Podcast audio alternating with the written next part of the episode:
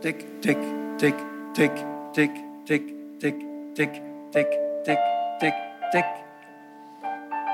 Tik, tik, tik, tik, tik, tik. Prima, je mag je ogen terug open doen. Wat we nu hebben gedaan is een zintuig uitschakelen. En als je je ogen uitschakelt, dan ga je zien dat je meer gevoelig wordt voor andere zintuigen.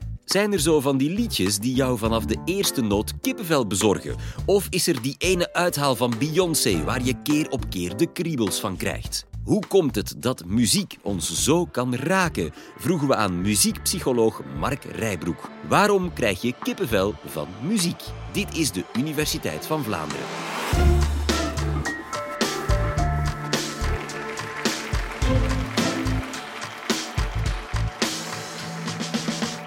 De meeste van ons hebben wel eens momenten meegemaakt dat we overweldigd zijn door iets wat ons diep van binnen raakt. Waarbij onze haartjes als het ware gaan rechtstaan. Dat zijn kippenvelmomenten. Bij mij dat kan zijn bijvoorbeeld een liedje, een passage uit een boek, een filmscène. Sommige mensen hebben dat zelfs bij een religieuze ervaring.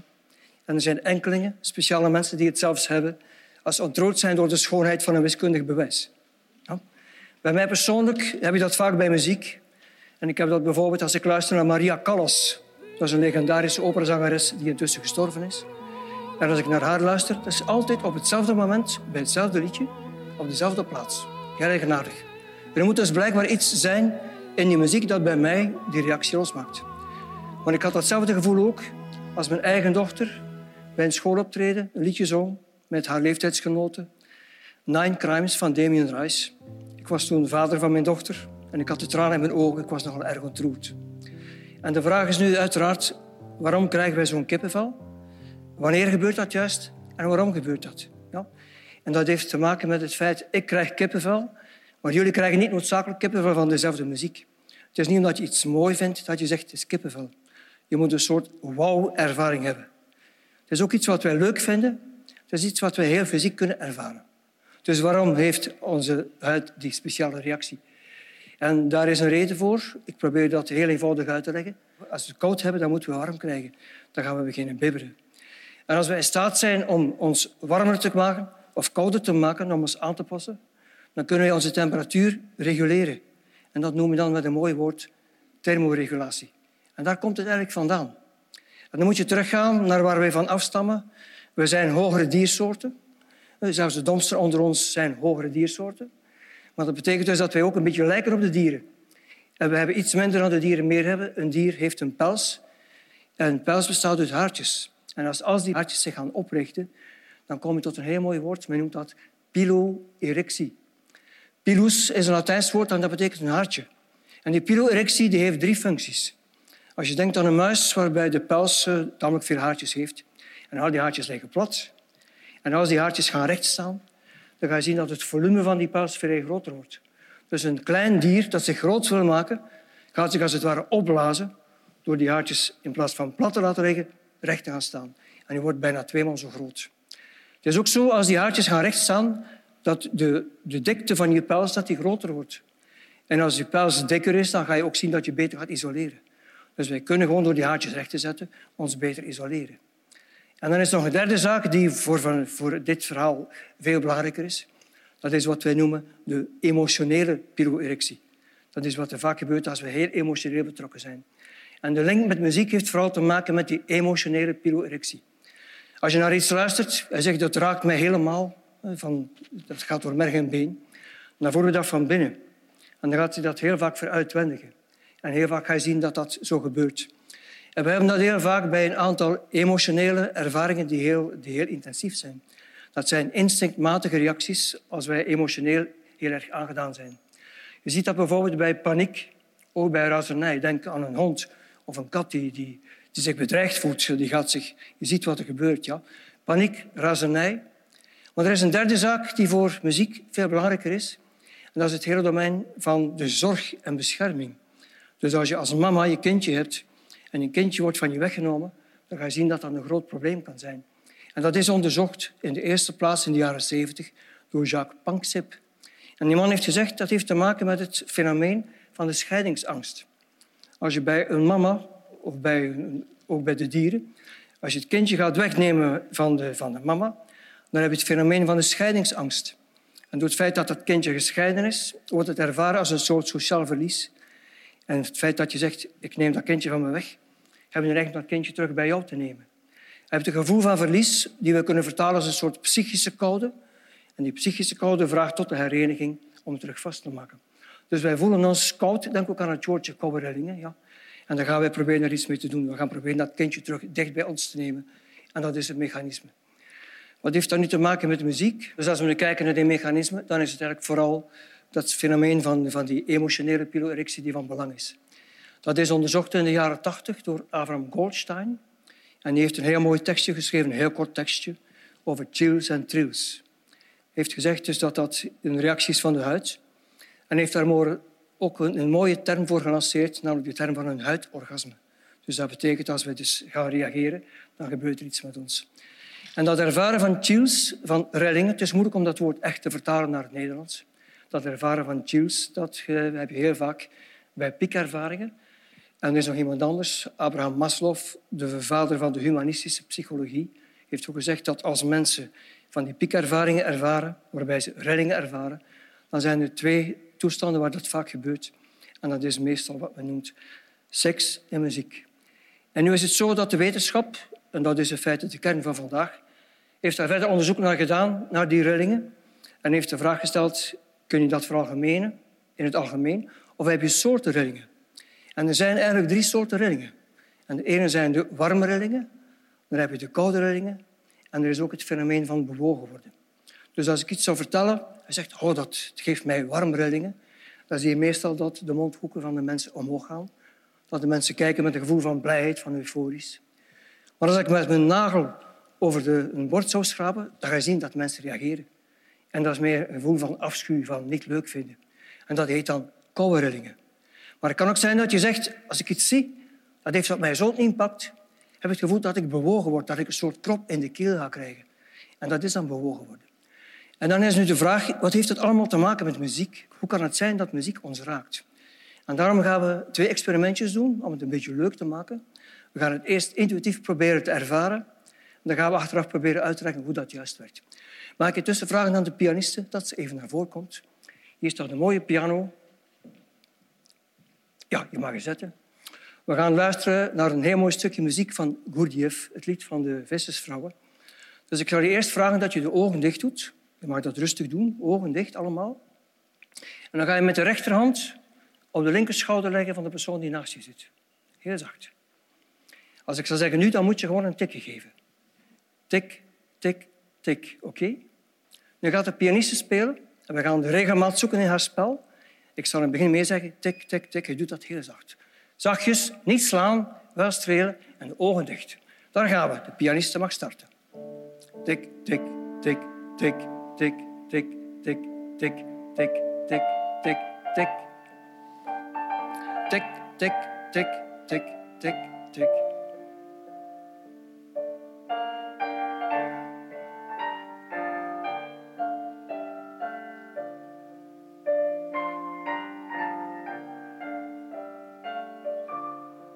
Prima, je mag je ogen terug open doen. Wat we nu hebben gedaan is een zintuig uitschakelen. En als je je ogen uitschakelt, dan ga je zien dat je meer gevoelig wordt voor andere zintuigen.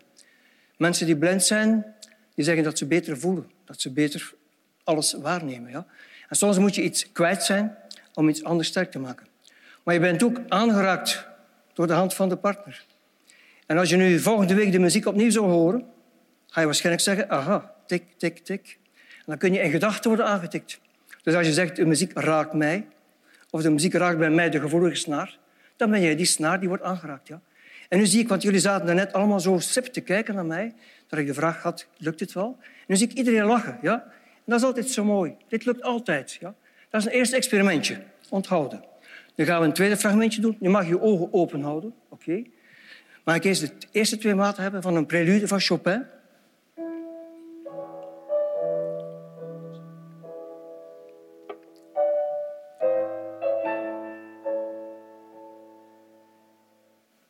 Oké? Gezien wat ik gedaan heb? Wil je elkaars handen vastnemen? Oké? Okay? Handen vastnemen. We gaan zachtjes in de handen knijpen.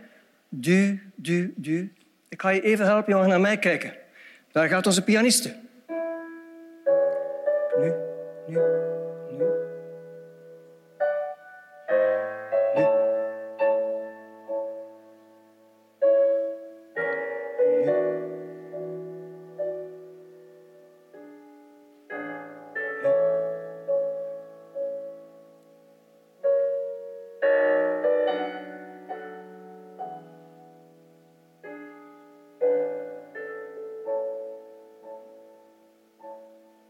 Dank je wel. Ook voor de pianisten. Ja.